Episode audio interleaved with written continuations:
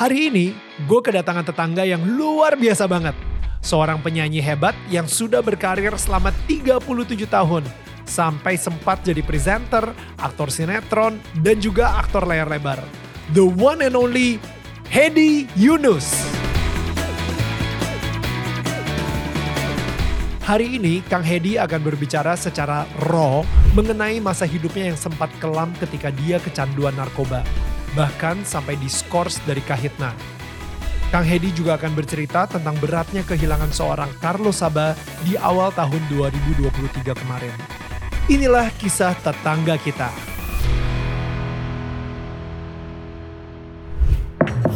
Hai, ini gue Daniel, tetangga kamu. Yuk kita mulai. Hai semua tetangga yang gue sayangin dan gue cintain. Well, kembali lagi di Daniel tetangga kamu. Dan um, sebelum kita ngobrol sama tetangga kita hari ini, gue pengen ngingetin aja kalau misalnya kalian bisa terus support kita. Support kalian tuh sangat berarti banget buat kita um, untuk memberikan kalian konten-konten yang bagus dan berkualitas. But anyway, cara supportnya adalah dengan uh, klik tombol subscribe di situ atau kalian bisa memberikan super thanks atau mungkin kalian bisa membeli official merchandise kita kayak hoodie yang lagi gue pakai sekarang ini. Ini ada ada logo Daniel tetangga kamunya. Ini adalah official merchandise dari kita dan kalian bisa langsung dapetin dengan klik QR code yang ada di sini. Right? But anyway, sekarang kita langsung ngobrol sama tetangga kita hari ini, Kang Hedi Yunus. Halo Kang, apa kabar? Hai Daniel, thank wow, you. Thank you, thank you for making time. Gue tahu. Thank you juga udah diundang sini loh. Kita, Akhirnya gue nyampe di sini. Wah. kita jujur deh ya, syuting syutingnya di akhir-akhir uh, penghujung acara dan gue tahu banget di penghujung acara itu Kahitna, Hedi Yunus itu jobnya banyak banget. Amin, alhamdulillah. Banyak banget, banyak banget. Dan and yet lo masih menyempatkan diri untuk datang ke tempat kita, so it's, Harus it's a huge dong. honor. Thank It's you, thank you udah honor. diundang lah. Dan uh, tadi gue sebelum sebelum masuk studio gue ngobrol sama Kang Hedi. Gue bilang kayak Kang Hedi, tau gak sih kayak um, gue kadang-kadang suka suka gregetan gitu ya ketika ada orang yang bilang, aduh Daniel aku udah ngefans sama Daniel sejak aku SD kayak gitu. Oh gue jadi tua banget. Tapi literally ini gue udah ngefans dari Hedi Yunus dari gue SD. Terus gue nanya, emang Daniel angkatan tahun berapa? Angkatan 81. Nah gue berapa dong? gue gue lahir tahun 81 dan gue Kang lahir Hedi 68. sudah ya dan, dan udah berkarya di tahun 86. Jadi 86 itu udah ny- 81 gue udah mulai nyanyi. oh 81 udah Eh mulai enggak, nyanyi. sorry sorry. 86. 86, 86 Jadi baru baru gua- mulai nyanyi. gue baru aja ngelewatin balita. Jadi baru aja ngelewatin balita, lu udah ber, uh, udah mulai berkarya dan habis itu lu sendiri juga berarti sekarang udah 37, 37 tahun. tahun, nyanyi. di umur dunia umur entertainment. 55. Gokil, gokil. Alhamdulillah, alhamdulillah, alhamdulillah. Come on. Ini udah udah mengarah ke arah 60 tapi gila s- secara influence, secara musik, secara job itu benar-benar masih ramai. Gue sih berharap banget ya ketika gue umur 55 nanti juga Amin, Bisa pasti. se-eksis ini juga dan Kalau ya. pasti bisa, pasti bisa. Pastilah kalau gue sih yakin kalau Amin. seorang Daniel Mananta tuh pasti. amin, amin. Karena apa pun bisa dikerjain. Yes. Dari mulai entertaining sampai ke olahraga, lari Ya. juga gila. Pace-nya parah itu saling menunjang sih. Kita kita juga kemarin ketemu ya pas lagi di ini ya, Kang Edi juga lagi seru-serunya lari tuh ya. Iya, gue kalau lari kan anak baru, baru bisa lari itu pas pandemi awal September 2020 gue Oke. baru bisa lari gitu. Oke. Cuman eh, ya belajar pakai coach habis gitu gue nekat gitu di support sama teman-teman kemarin jadi dua tahun berturut-turut setiap kali gue ulang tahun gue Hmm. bikin event lari Iya, jadi iya, iya. birthday run haye tahun ah tahun ini yang Agustus kemarin gue ke 55 tahun Mhm. Tahun lalu gue bikin yang ke 54 tahun jadi Hmm. bikinnya pengen mengedukasi dan ngajakin ke teman-teman yang memang belum pernah nyoba lari atau Hmm. ngerasa dengar kata lari itu menakutkan buat Betul. mereka gitu. Enggak, lari itu jangan jangan lu bayangin gue lari. Enggak Iya, gitu. iya. Pelan-pelan aja dulu itu pun udah masuk kategorinya lari selama formnya lari gitu. Ya. Udah gitu happy. Ya. 5,4 kilo, kemudian yang kemarin itu 5,5 kilo. Oh, gue pikir 55 kilo No, biasa. itu mah Daniel Mananta. Temen-temen gue kayak gitu soalnya ketika umur 40 tahun 40 kilo lari gitu. itu yang udah senior kan. Kita pengen ngajakin yang orang lagi lagi kaum rebahan, yuk Geret ikutan lari, kita lari sama-sama. Happy So sama-sama kita ngerasain. Capek, pasti nggak ada yang capek. Eh, pasti nggak ada yang nggak capek. Ya. Namanya lari bergerak pasti capek, cuman happy. So good. Pokoknya eh, apa ya? Pengen kasih apa ya? Iya, sesuatu kebiasaan yang baru yang Ya. yang menyehatkan dan membahagiakan. Itu Ya, ya. Ini ini di kita lagi ngobrol di awal tahun 2024 nih. Jadinya kalau misalnya kalian tiba-tiba tergerak pengen lari, kapan birthday run Hedi Yunus lagi? Insya Allah tahun depan berarti 56 tahun. Ya, Agustus di sekitar ya area di tanggal 20-an lah. Mudah-mudahan gue udah bikin dan bikin pengennya sih bikin bendera high yang ketiga itu yang ke 56 tahun yang lebih lebih besar lagi Ya. kita bikin nanti. insya Allah. 5,6 kilo berarti ya. Kita lihat nanti kategorinya apa aja. Kalau 5,6 kilo mungkin ya akan ada tapi ya mudah-mudahan akan ada lagi yang 10 kilo atau berapa mudah-mudahan ada Ya, ya. ya. Nah, Kalau Kang Hedi sendiri kemarin pas lagi yang kedua kalinya ngadain itu berapa orang yang datang? Berapa orang yang daftar? Eh hampir 250 What? Iya, karena pendaftarannya terbatas. Waktu yang tahun pertama, yang tahun lalu kan masih pandemi tuh. Ya. Kita batasin yang offline-nya hanya 70-an, Ya, yang virtualnya ada sekitar 40 Ya. gitu. Itu pun eh, itu udah udah alhamdulillah banget. Nah, yang kemarin itu eh, yang offline-nya ada sekitar hampir 200 kurang, yang offline-nya eh, 50-an gitu. Jadi Wow. segitu. Tapi totalnya pas lagi, ah segini juga udah banyak banget ya. Mudah-mudahan tahun depan kita lebih banyak lagi, lebih ada sponsor lagi. kayak gitu. Wow, 250 itu baik. Gua aja ini udah berapa lari, temen eh, ber- lari berapa tahun ya? 6 tahun kali ya. Hmm. Tapi nggak pernah pede untuk bikin acara lari sendiri gitu. Dan kayak Kang Hedi, wow, gue karena support sama teman-teman yang pelari juga, jadi Ya. gue seneng banget gitu. So inspiring. Thank you Yeah. Kang Edi. So um, let's talk about let's talk about you. Um, Yeah. Jadi tadi Kang Edi bilang 56 tahun berarti ya, nah, 55 tahun lah. Tapi Sekarang 55. uh, udah mulai memasuki ke 56 nih. Udah udah mulai menjurus ke 60 nih. Empat tahun lagi 60, eh lima tahun lagi 60. Lima tahun lagi. Nah, um, let's trace back ke um, masa kecilnya Kang Hedi sendiri gitu ya. Um, itu lu sendiri just a quick origin story aja dari Kang Hedi sendiri. How did you um, masuk pertama kali ke dunia entertainment dan nyanyi di tahun 86 tersebut? Masa kecil, masa sekolah, masa SMP, masa SMA sama dengan teman-teman yang lain, Mhm. sama aja gitu. Gue sebagai salah satu putra sembilan dari apa sembilan dari sembilan bersaudara, anak Wow. bungsu. Hmm, Eh, ayah itu eh, angkatan darat, hmm, ibu ya istri ibu-ibu ibu rumah Right. tangga biasa gitu kan gitu. Semuanya pendidikannya sama, tidak dimanjakan dengan dengan apa dengan orang semua pada pakai zaman-zaman dulu kalau sekolah kan zaman SD tuh zaman dulu sepatunya ada ya beberapa merek yang hmm. terkenal lah gitu sepatu Hmm. sneakers sneakers yang gitu gua nggak gue mungkin nggak tahu deh Daniel tahu nggak atau nggak teman-teman yang seusia tahu nggak ada dulu namanya sepatunya Big Boss Gak tau gue.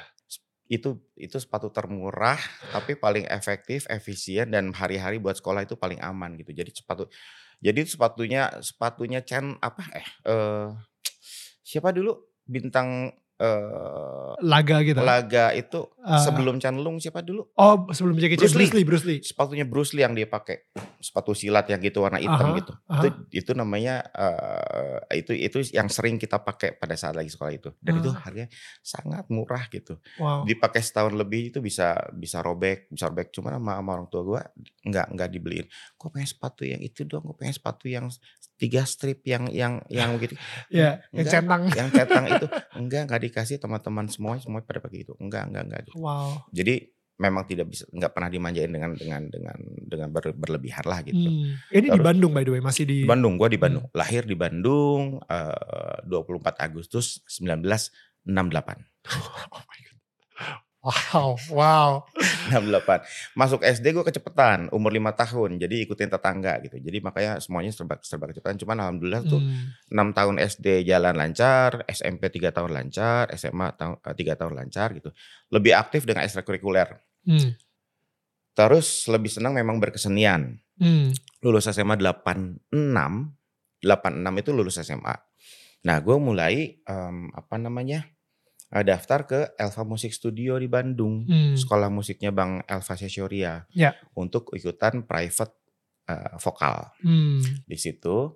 Kemudian eh, 87 baru mulai eh, di apa eh, private-nya baru mulai jalan gitu. Hmm. Di Maret 87 berarti eh, cuman kursus berjalan dua, dua bulan lebih lah gitu. Yofi ngeliat Hmm. karena di Kahitna kan ada di situ juga kan. Kahitna kan salah satu produk dari Alpha Music Studio di Bandung gitu. Hmm. Em, apa namanya Yofi ngeliat terus manggil gitu. Eh, head masuk Kahitna ya gitu. Wah, gue udah tahu sih Kahitna itu ada tapi masih band-band di Bandung aja gitu. Cuman personilnya pun orang-orang yang luar biasa di Kahitna itu gitu. Wah, masuk sama Kahitna ya minggu depan kita latihan ya gitu. Itu Maret 87 gitu. Uh, udah dari situ terus minggu depannya latihan dengan formasi Kahitna yang zaman dulu gitu.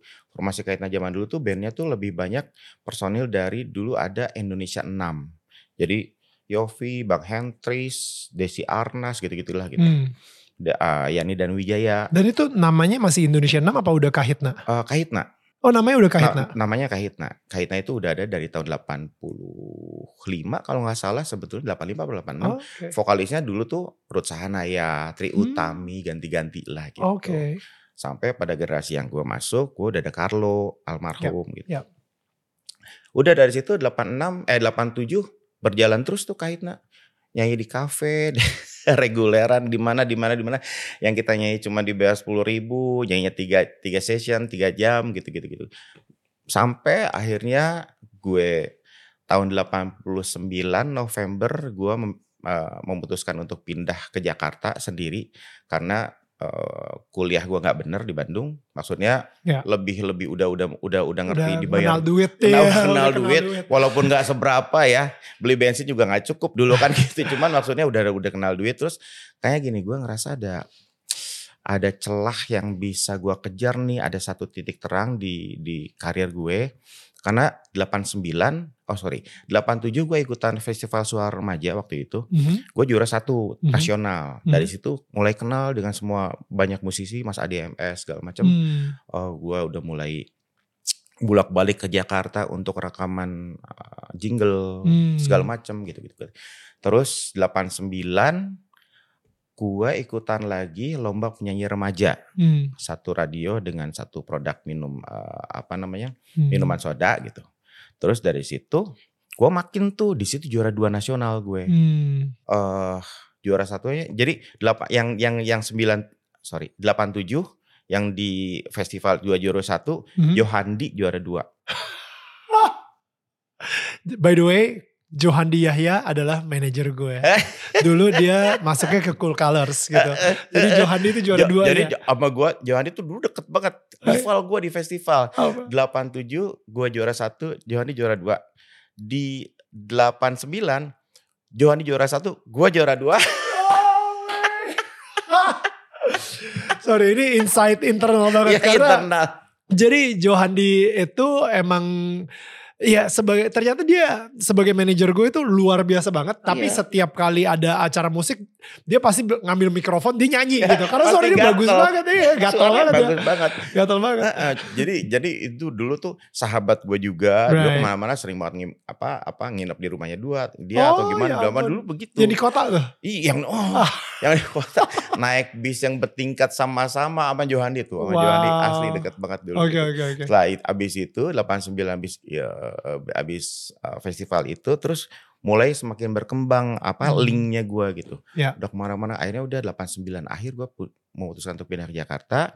90 mulai rekaman single ada soundtrack film Kristal Tira Cinta. Gue duet sama Irma Jun. Apalah hmm. apalah apalah apa.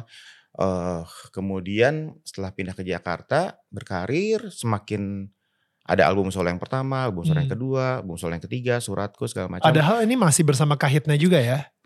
Gue bolak-balik jadinya yang tadinya bolak-balik Bandung Jakarta sekarang Jakarta Bandung membahasakannya seperti itu. Oke, okay. dan Kahitna masih di Bandung saat Kahitna itu? masih di Bandung karena Kahitna masih reguleran di Bandung. Oh, tak berarti secara album solo lebih sukses Hedi Yunus duluan daripada lebih Kahitna duluan, ya? Lebih duluan ada. Jadi okay. dari 90 gue ada soundtrack film, ada single Berikanlah, kemudian hmm. album solo yang pertama, album solo yang kedua, album solo yang ketiga. Kahitna masih di Bandung untuk Uh, Kaitna juga udah bikin single waktu itu tahun sorry tahun 90 kalau nggak salah. Tapi, Tapi belum cuma senaik senaik ya, Hedi ya. Yunus yang yang udah sampai dipakai sama sinetron dan lain-lain gitu ya. Ya ya hmm. ya ya ya. Abis itu sembilan mm, jadi gue bolak-balik ke Bandung itu karena Kaitna ada reguleran di hotel mana di di mana di mana di mana udah nggak mikir lagi honor honornya tiga belas ribu gue pakai dulu udah misalnya nyanyi malam nanti malam di Bandung nih Kaita eh, nyanyi eh, di kafe apa gitu. Hmm. Bayarannya misalnya 18 ribu gitu. Hmm. Nah gue dari Jakarta sosokan dari Halim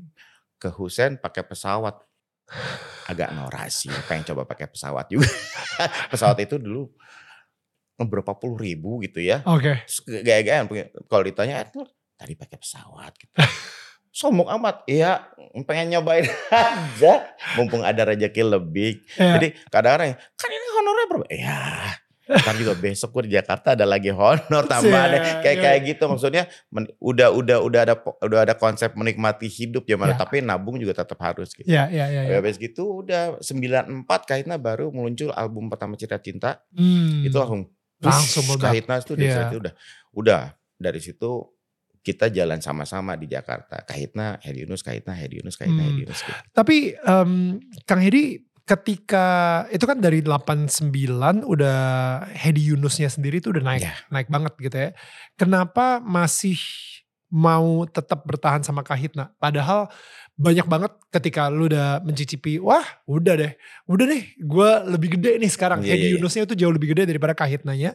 Kenapa enggak, oke gue lepas ya, gue udah gak punya em, tanggung jawab lagi sama Kahitna karena gue sibuk nih sama album solo gue kayak gitu misalnya. Enggak tahu waktu itu ya kayaknya emang bukan gak ada pilihan cuman em, selama gue bisa jalanin dua-duanya eh, ma- saling mengisi waktu dan memang memang guanya juga suka kerja gitu ya dari Hmm. dulu sampai sekarang suka kerja gitu. Jadi kalau Hmm, sibuk itu gue happy gitu. Jadi hmm, kalau lagi ada jadwal kahitna eh, terus ada kosong ada jadwal Hedi Yunus ini kahitna gitu. Gitu-gitunya tuh seneng gitu. Nggak Hmm. nggak nggak betah yang terlalu lama berdiam diri nggak ngapa-ngapain ya dulu zaman zaman dulu suka main juga suka nge-mall juga Hmm. segala macam gitu cuman eh, kayaknya sama-sama nikmat gitu sama-sama enjoy gua nyanyi sendiri bisa nikmatin gimana gua nge-explore diri gua sendiri di panggung seperti apa ngadepin audiens seperti apa cara berkomunikasi seperti apa hmm. Kemudian begitu dengan Kahitna, gue bisa membedakan dan memposisikan diri gue sebagai eh, salah satu pion di Kahitna gitu. ya, Itu yang itu yang eh, yang gue gua nikmatin adalah di sini gue di sini tuh bersembilan loh, hmm, bukan gue Esa Yunus enggak gitu. Walaupun ah, sempat sih eh, awal-awal dulu tuh ya karena mungkin karena mungkin gue duluan sendiri apa solo karir gitu. Jadi ada masa-masa yang yang kayaknya Kahitna itu eh, eh, apa namanya eh, gue kayak terlihat seperti lebih menonjol. hmm, Itu gue berusaha untuk narik diri banget. Enggak enggak enggak walaupun nggak bisa dipungkiri kalau misalnya kalau ke mana-mana kalau misalnya kita tur ke, ke kota luar kota segala macam ya impactnya kan maksudnya foto segala macam gitu. Tapi gue hmm, selalu bilang kalau Kahitna itu ya bersembilan gitu. Kahitna itu kalau ditanya sama sama sama dulu kan kalau ke mana-mana pasti kalau ke radio gitu press conference apa gitu. Gue selalu bilang gini, Kahitna itu kita tuh bersembilan ibarat kayak keluarga. Jadi kalau di keluarga itu setiap orang punya rumah. Rumah ini Kahitna nih gitu. Nah setiap orang dari personilnya dari rumah ini pasti setiap hari keluar rumah masing-masing untuk mencari kehidupannya masing-masing. hmm, Yofi apa, gua apa, yang Hmm. lain Carlo masih waktu itu masih Carlo, Hmm. kemudian masih personil yang lain gitu. hmm, Punya kegiatan sendiri-sendiri, ada yang sibuk di studio apa. Tapi tiap hari pasti pulang ke rumah juga, pulang ke rumah ketemu dengan keluarga yang namanya Kahitna, hmm, yang kita di situ juga bisa yang namanya adik kakak, ya bisa yang seru, bisa berantem, bisa apa, Ya. bisa kangen-kangen, tapi kita eh, berkarya sama-sama di situ Hmm. gitu-gitu. Jadi ibaratkan Kahitna itu kayak rumah kalau buat gua gitu. hmm, Jadi kalau berlagi lagi sendiri sendiri kalau dengan kahitna kahitna gitu. dan hmm. harus pintar menempatkan diri sebagai salah satu personil bukan sebagai seseorang Hedi Yunus di situ. That's amazing. Um, Kang Hedi sendiri bukan cuman sukses secara individu, tapi as a team player juga sukses juga gitu. Amin. Alhamdulillah. dan maksudnya untuk um, gak gampang ya orang um, apalagi kita tahu kalau misalnya di Kahitna sendiri mungkin uh, Mas Yofi gitu yang Yep. lebih jadi uh, hel- the, the Leadernya. helm leadernya lah untuk uh, Kahitna sendiri Hmm. gitu. Berarti yang tadinya Hedi Yunus di luar sukses berkarir tapi ketika di Kahitna harus nurut sama seorang Yofi Widianto misalnya Hmm. seperti itu Hmm. yang oke gue ngikut lo Ya. uh, eh, you know it's it's it's not easy pastinya ya Ya. Um, tapi gue penasaran, pernah nggak seorang Hedi Yunus sendiri itu uh, mikir, ah udahlah gue cabut aja dari Kahitna. Karena Kahitna sendiri kan it's a it's a huge brand, banyak banget orang yang um, maksudnya kalau misalnya kita ngomongin juga penyanyi-penyanyi dari dulu yang di Kahitna, ya mereka juga lepas juga gitu. Ada Hmm, yang hmm. ada yang cabut juga dari Kahitna dan harus diganti juga dan lain-lain. Pernah kepikiran kalau misalnya dari Hedi Yunus sendiri? Kalau gue buat kepikiran untuk berhenti dari kayaknya sih sampai sekarang enggak, belum. Eh bukan enggak ada ya. Hmm. Tapi gue diberhentiin pernah. Ya, apa? itu ada Pada- Mas Adi tadi cerita sendiri sih. Yo ya, abis ini. Eh, diskors itu diskors gue pernah gitu karena memang udah bandelnya udah kelewatan gitu. Hmm. Ada masa-masa yang ternyata gue apa namanya nggak bisa dikontrol sama sekali kayak kayak kayak gitu. Jadi Hmm. sebetulnya mungkin juga waktu itu juga dari dari teman-teman kayaknya juga dari Yofi itu bukan bukan dengan sepenuh hati bahwa gue harus dikeluarkan atau apa enggak gitu. Cuman ya sementara lu istirahat dulu deh. Ya. Benerin diri lu di, dulu. Ya. Baru ntar kalau udah bener baru balik lagi kayak, kayak Hmm. gitu. Sempet sih seperti itu gitu. Cuman eh, apa namanya? Untuk em, elunya pengen cabut dari Kahitna belum pernah. kalau cabut dari kaitna sih eh, sampai saat ini udah berjalan sekian sekian lama gitu udah nggak ada sih kayaknya ya karena udah udah kayak ibaratnya mungkin you know kayak kayak orang berkeluarga Hmm. berdua juga kan berdua aja deh suami istri tuh bisa yang hari-harinya kan bisa segala macam terjadi ini kita sembilan kepala sembilan oh hari ini eh, eh, sekarang delapan ya Carlo udah nggak ada tapi Ya. maksudnya sekian puluh orang sekian banyak orang plus ada manajemen ada kru juga yang kita hari-hari bisa ke mana hari ini bisa di Surabaya besok pagi-pagi udah di Semarang lusanya kita terbang ke mana-kemana di satu bis di satu pesawat Hmm. di satu mobil eh, apa namanya Hmm, van gitu. van gitu Ya. turun pesawat naik itu gitu deh Hmm. ya, lu lagi lu lagi gitu. udah nggak tahu lagi mesti ngobrol apa gitu gitu jadi eh, ya kalau terlihat kadang-kadang orang-orang pada ngelihat ini kenapa dia diem-diem aja gitu? Diem diem aja. bukan karena musuhan bukan karena apa tapi nggak tahu mau ngobrol apa lagi. Kadang-kadang sampai ada yang ada yang ada yang memang kan setiap orang juga punya punya apa namanya hmm, eh, sifat masing-masing gitu. Ada yang nggak mau diem sama ada yang emang tiba-tiba nyalain handphone nyala gitu gitu Shh, berisik gitu. Udah gitu-gitu aja bercandanya udah maki-maki udah Eh, itu, gitu-gitu itu kayak kalau Mario tuh. si Mario, ah nih ya, anak baru ah. Berisik.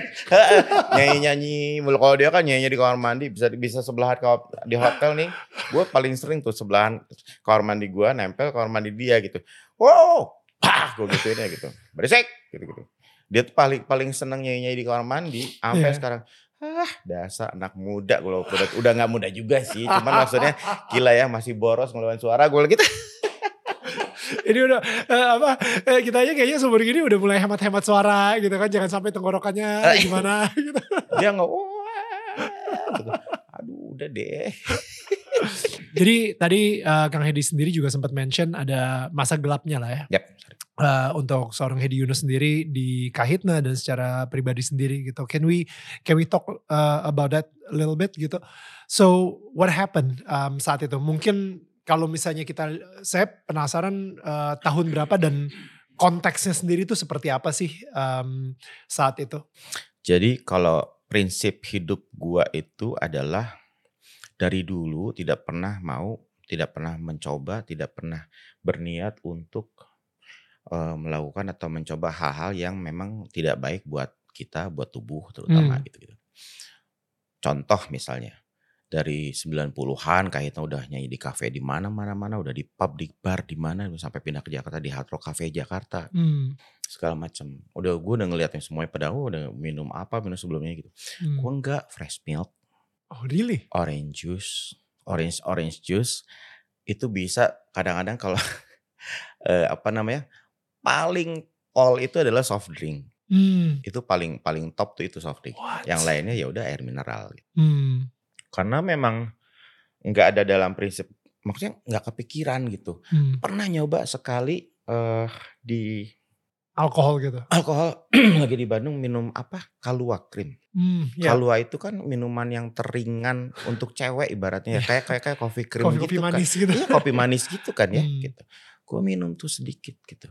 Terus em, agak mungkin agak tipsy gitu. Tapi begitu naik naik ke mobil tuh gue tidur. Hmm. Tidur nyampe dianterin sama sama sama teman pulang sampai di rumah ah pusing enggak ah. udah habis itu enggak enggak Hmm. enggak lagi gitu gitu sekali pernah lagi pas lagi di Surabaya waktu itu gue sama eh, waktu itu Kahitna lagi jadi reguleran di salah satu hotel di Surabaya. Gue ada nyanyi, Mhm. terus gue numpang nginep di sana gitu. Hmm. Ada ada ada temen yang nyanyi gitu. Dia memang hari-harinya minum, Hmm. ngobrol di kafe sampai malam gitu kan. Terus dia minum kayak gue pikir iced tea. Hmm. Dia minum sedot sedot sedot gitu. Minum minum apa sih? Eh, dia bilang eh, ice lemon tea kayak gitu. Hmm. Ku aus nih gitu. Minum aja nih gitu. Udah tinggal sedikitnya gini. Jadi udah tinggal dedeknya nih. Ya, ya, ya, ya. Ampasnya nih Ya, gitu. Lo habisin Gue minum. Habis set gitu kan. Long Island. Long Island. Terus pas gini, mm, eh yuk balik ke kamar yuk. Kok gini ya? Bilang. Pas nginjekin, jadi dari dari bar stool gitu, Aha. pas turun, anjir lu ngapain? Gue kasih minum apa lo? Kurang ajar. Kok gue gak nginjek tanah ya? Gue tapi ngakak-ngakak. Wah, gitu-gitu. Apaan nih? Apaan nih? Gitu-gitu. Eh, Wah ini namanya Long Island. Long Island tuh tujuh campuran apa gitu-gitu. Aduh, iya. Gila itu gue sampai ke kelip pegang-pegang tangan gitu terus nah, udahlah pokoknya sampai tidur gitu pas bangun tidur nggak enak nggak enak nggak enak Oh, udah nggak nggak nggak gitu Ya, ya, Udah ya, ya. gitu.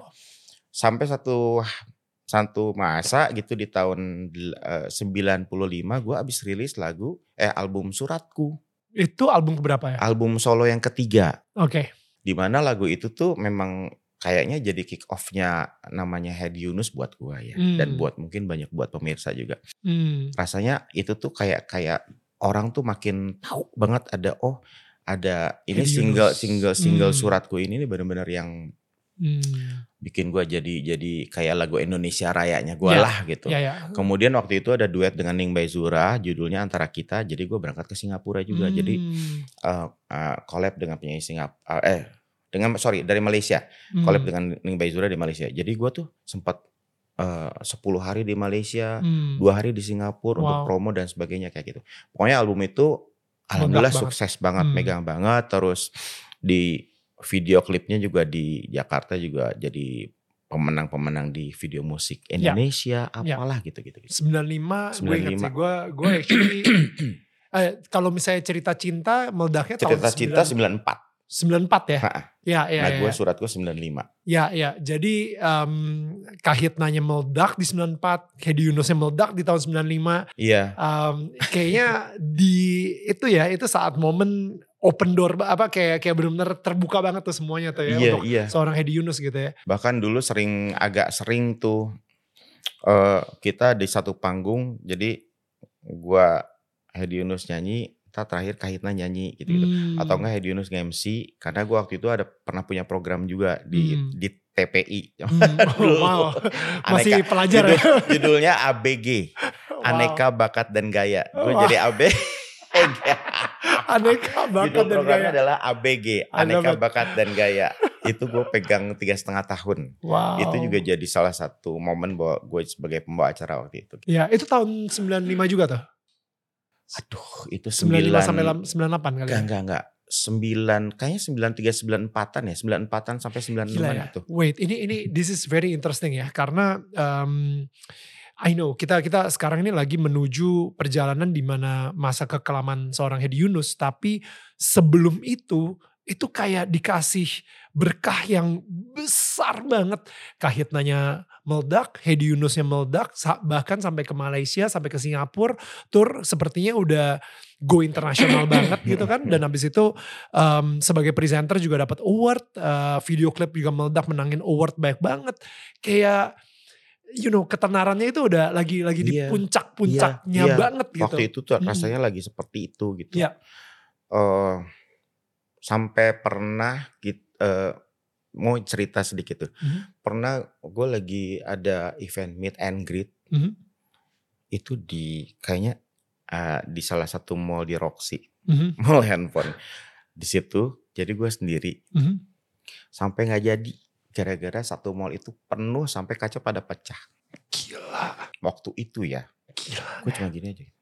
Wow. Gue cuma jadi cuma harusnya nyanyi lima lagu sampai akhirnya nyanyi satu lagu setengah satu lagu kemudian lagi yang kedua turun turun turun udah nggak kondusif nggak kondusif nggak kondusif Gila. dibawa ke belakang udah akhirnya pulang nggak jadi waktu itu waktu itu gue maksudnya gue pikirnya gini ya Allah gue tuh sempat seperti itu ya dulu ya Eh, eh, apa namanya ya memang mungkin eh, Iya, ad semua ada masanya sih gitu. Iya Cuman iya. maksudnya gue mikirnya, ya Allah dulu tuh ya bisa sampai ada di titik seperti itu dan gue tuh Ya. masih masih yang antara nggak percaya sama yang, eee, ah tetap gue selalu menempatkan diri gue, ah gue mah orang biasa-biasa aja gitu. Really?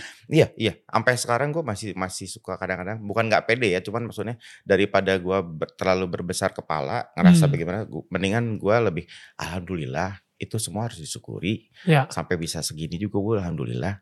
Cuman kalau mengiranya, ya alhamdulillah gitu Ya. aja, enggak yang gue kan gini, enggak. Bercanda-bercanda mungkin sama manajemen iya, Iya tapi iya. kalau misalnya secara jujur gitu gue, enggak kok, enggak gitu. Tapi Kang Edi maksudnya sekarang kalau misalnya kita ngelihat balik, iyalah kita seperti itu. Tapi kalau misalnya pada saat itu ketika harusnya nyanyi 5 lagu akhirnya cuma 1 lagu dan sampai ditarik karena kaca pecah, orang, Gue eee cuman gini aja bengong di ruang di ruang apa, di office-nya gitu. Office tuh, wow, terus semuanya kaca orang pada malu. Gue gini aja gitu, ini orang pada ngapain sih? Eee, pada histeris segala kayak gitu. Gue kemarin gue kemarin baru nge-MC, eee, sebuah acara gitu dan ada Pak Presiden Jokowi juga. Nah itu ketika Pak Jokowi masuk, itu bener-bener sampai teriak, teriaknya sampai, ah, Iya iya histeris iya gitu. iya. Mmm, sehisteris itu, gue bilang kayak, wow gila orang itu bisa ya. Kayak padahal dia jaraknya jauh banget sama Pak Jokowinya, Iya. dia cuma ngeliat dari screen, Mhm. itu aja udah kayak ngerasa, gue lagi sharing, eee, O2 bersama Pak Presiden di satu ruangan. CO2-nya Pak Jokowi, ah gue hirup menjadi O2 buat gue. You know, jadi itu aja bikin dia histeris banget gitu, sampai kakinya gemeteran dan lain-lain. Nah, dan itu yang lu rasain, maksudnya, mmm, lu ngerasa saat itu, gila lihat nih gue adalah orang terhebat di Indonesia saat ini. Ada nggak kepikiran seperti itu? Like Kalau kalau kalau kalau dulu, eee, ya mungkin dulu adalah perasaan seperti itu. Mhm. Namanya juga kita masih usia muda ya, masih Mhm. di bawah 30 kayaknya. Jadi perasaan-perasaan yang anak baru jadi Betul. gitu kan, kemudian, eee, tiba-tiba mendapatkan popularitas.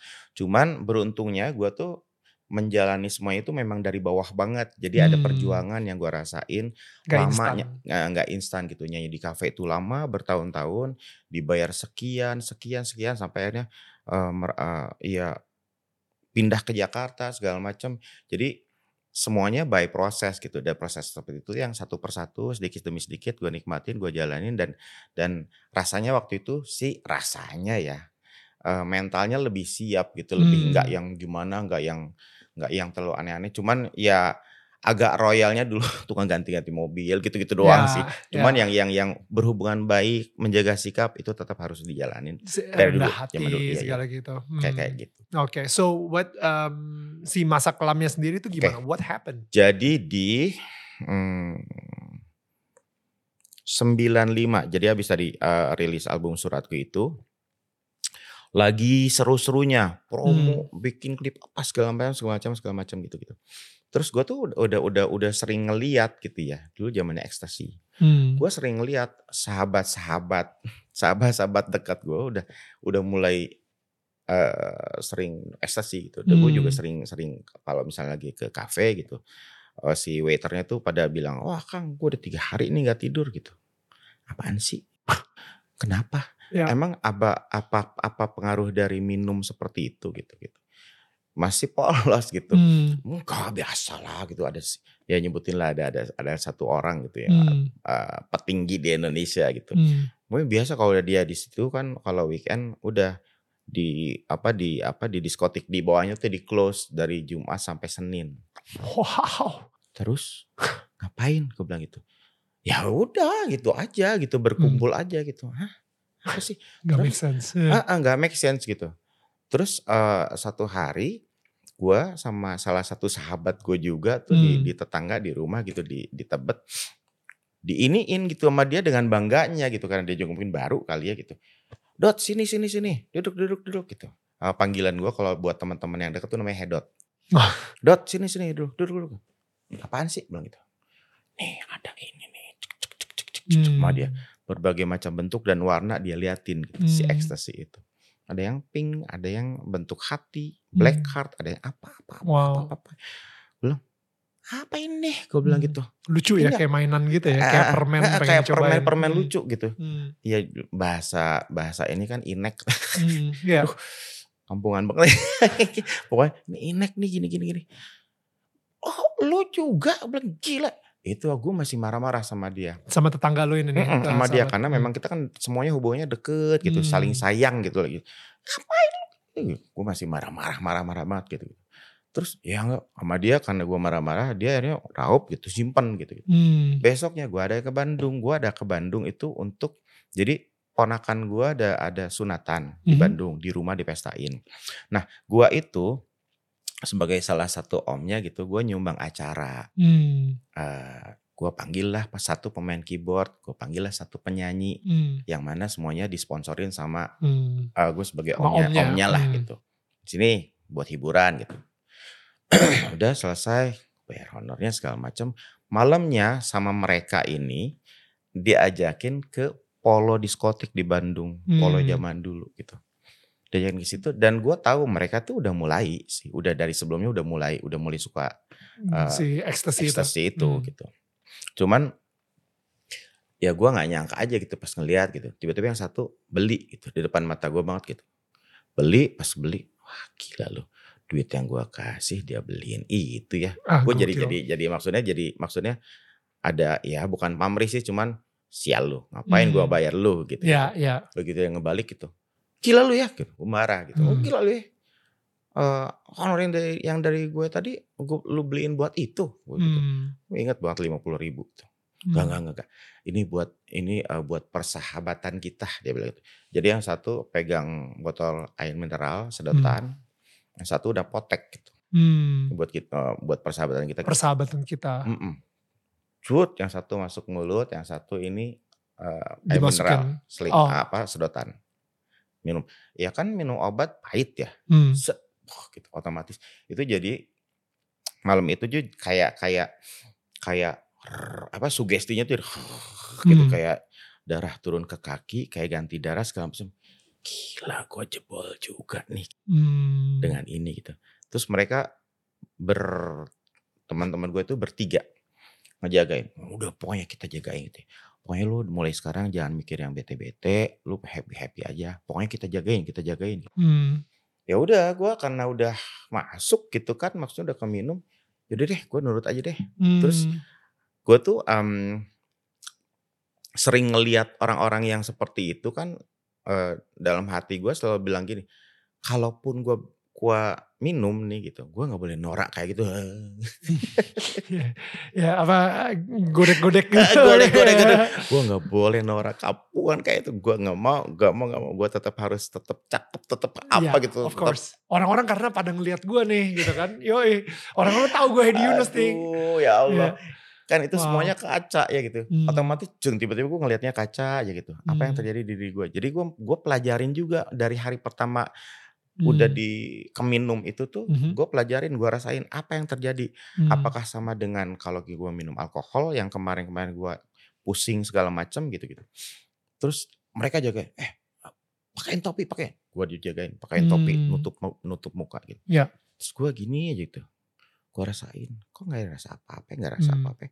Tiba-tiba lama-lama lama-lama kayaknya ada sesuatu deh gitu-gitu. Maksudnya yang yang gue bilang oh ini eh, semuanya masih bisa dikontrol, masih bisa dirasain, masih bisa gue masih bisa nggak kayak minum kemarin itu. Bahkan selesai itu tutup diskotiknya tutup, terus gue ke mobil sama mereka berempat. Mereka sini sini gue nyering, nggak nggak nggak, gue cuma pengen coba gue nyetir masih bisa nggak? Nyetir gue masih bisa ke mana sampai ke jalan tol segala macam segala macam Hmm. sampai lanjut lanjut dan dari situ setiap hari. Wah gila. Habis itu ternyata gue ya karena karena gue pikir waktu itu ya gue masih bisa kontrol, masih bisa nggak kenapa-kenapa, Hmm. masih bisa eh, rasanya nggak mabok nggak kenapa gitu. Hmm. Terus besoknya gue pulang ke Jakarta, di Jakarta, uh kayak gue kayak sultan dari mana disambut sama teman-teman gue yang udah lebih dulu itu. Hmm. Masuklah gue waktu itu M Club di Blok Hmm. M Plaza. Hmm. lantai wow selamat datang Hedi Yunus Wow. katanya gitu wow, kayak maksudnya kayak mer- mereka tuh nunggu momen itu ternyata selama ini gitu. Oh. Maksudnya momen kerusakan ya. Iya, Maksudnya iya. bukan sesuatu yang baik gitu. Datang gua aduh gila ya. Datang yang tadi masih pakai topi gimana gimana Hmm. sampai em, apa namanya? Ya sampai akhirnya cuek lah segala macam Iya, gitu. iya. Dan saat itu yang gua rasain itu eh, kenapa gua bisa jalanin terus karena di hari ketiga atau ke hari keempat gue tuh ada ada syuting sebagai host di eh, apa namanya TV swasta waktu itu masih di Hmm. Surabaya Hmm. syutingnya masih di Surabaya Wow. jadi gue jadi host untuk acara pemilihan apa remaja gitu ya Oke. model-model remaja itu Daniel gue opening eh skripnya waktu itu eh, direkturnya Denny Malik gue inget banget Hmm. Wow. skripnya panjang sekali hampir 3 per 4 halaman Hmm. opening seperti itu terus em, harus gua hafalin dulu masih belum ada Gak ada teleprom teleprompter. gak ada teleprompter gak ada apa Wow. gua hafalin syutingnya mulai pagi-pagi malamnya abis begitu abis, Abis minum inek. Abis. Ekstasi. besok paginya standby eh, Gak tidur tuh ya? iya tidurnya cuma sejam Tidur paling ayam lah. Ya. tidur ayam habis itu itu itu gua bisa hafal pas lagi mulai take mulai syuting ada ini ada ada house music jadi jeduk, jeduk, jeduk, jeduk. jadi gua cool banget men oke bla. jadi Ya. acara remajanya dapet terus gua Ya. sampai gitu Wow. "Titik, gila lu gila lu gokil gokil itu Wow. makin makin ngerasa kok gua Hmm. bisa dipakai kerja gitu Oh wow. Jadi akhirnya ekstasi sendiri dipakai untuk kerja atau eh, lu ngerasa hmm, gue bisa nih handle semuanya dengan si ekstasi ini? Ya dari tadinya cuman untuk bukan Fun, untuk fun. bukan untuk kerja ya, Ya. fun di setiap kalau lagi lagi break, lagi Hmm. maksudnya lagi weekend gitu Lagi gitu. mati gaya. Hmm. Mati gaya atau enggak ya dari yang itu sampai akhirnya di hari-hari. Jadi kecanduan Jadi setiap gitu. hari, Ya. setiap hari tuh maksudnya tapi bukan yang mau misalnya mau perform terus gua minum enggak. gitu. Enggak, oke. Tapi selesai itu pergi, selesai itu lanjut, selesai selesai nyanyi lanjut, selesai nyanyi nyanyi Ya. lanjut. What a story. Guys, thank you for listening to this podcast. Tapi tenang, ini baru part pertama. Masih ada part selanjutnya. So, biar kalian gak ketinggalan, yuk di follow dulu. Ingat ya, Daniel tetangga kamu.